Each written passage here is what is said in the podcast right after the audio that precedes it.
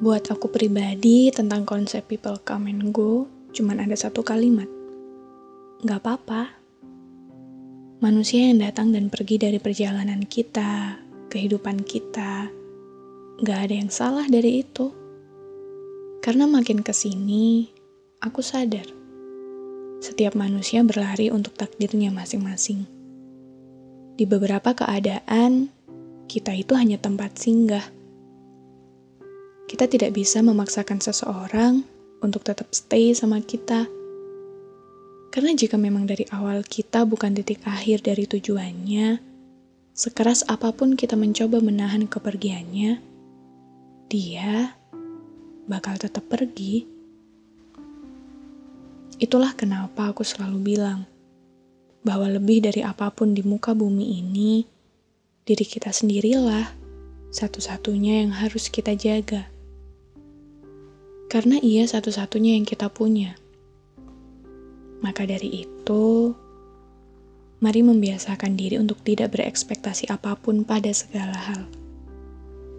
Kita harus selalu ingat bahwa segala hal, apa pun itu, yang mampir di kehidupan kita selalu punya tujuan, maksud tertentu atas kedatangannya. Jadi, saat ia datang, Biarkan ia datang, masuk ke kehidupan kita dengan porsinya masing-masing.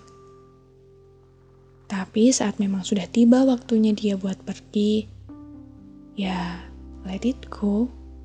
Biarin aja, gak apa-apa, lepasin. Karena gak semua hal harus kita paksakan ada. Gak semua hal harus berakhir sesuai dengan apa yang kita mau. Setiap manusia punya jalannya masing-masing. Pertemuannya dengan manusia lain pun punya maksud dan tujuannya sendiri. Jadi, biarin aja, gak apa-apa.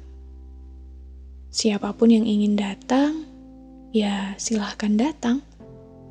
Dan siapa pun yang udah waktunya pergi, gak apa-apa, lepaskan kita mengejar takdir kita sendiri, begitu juga mereka.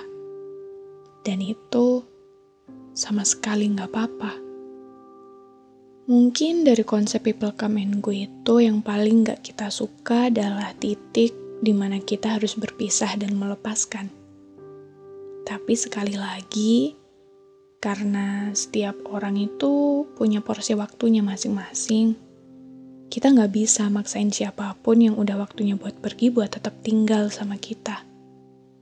Karena kalau emang sedari awal kita itu bukan titik akhir dari tujuan mereka, maka saat ia harus pergi, ia bakal tetap pergi. Sekeras apa pun kita mencoba menahan atau mempertahankannya. Jadi, sekali lagi, gak apa-apa karena pada akhirnya kita akan terbiasa dan tetap baik-baik saja.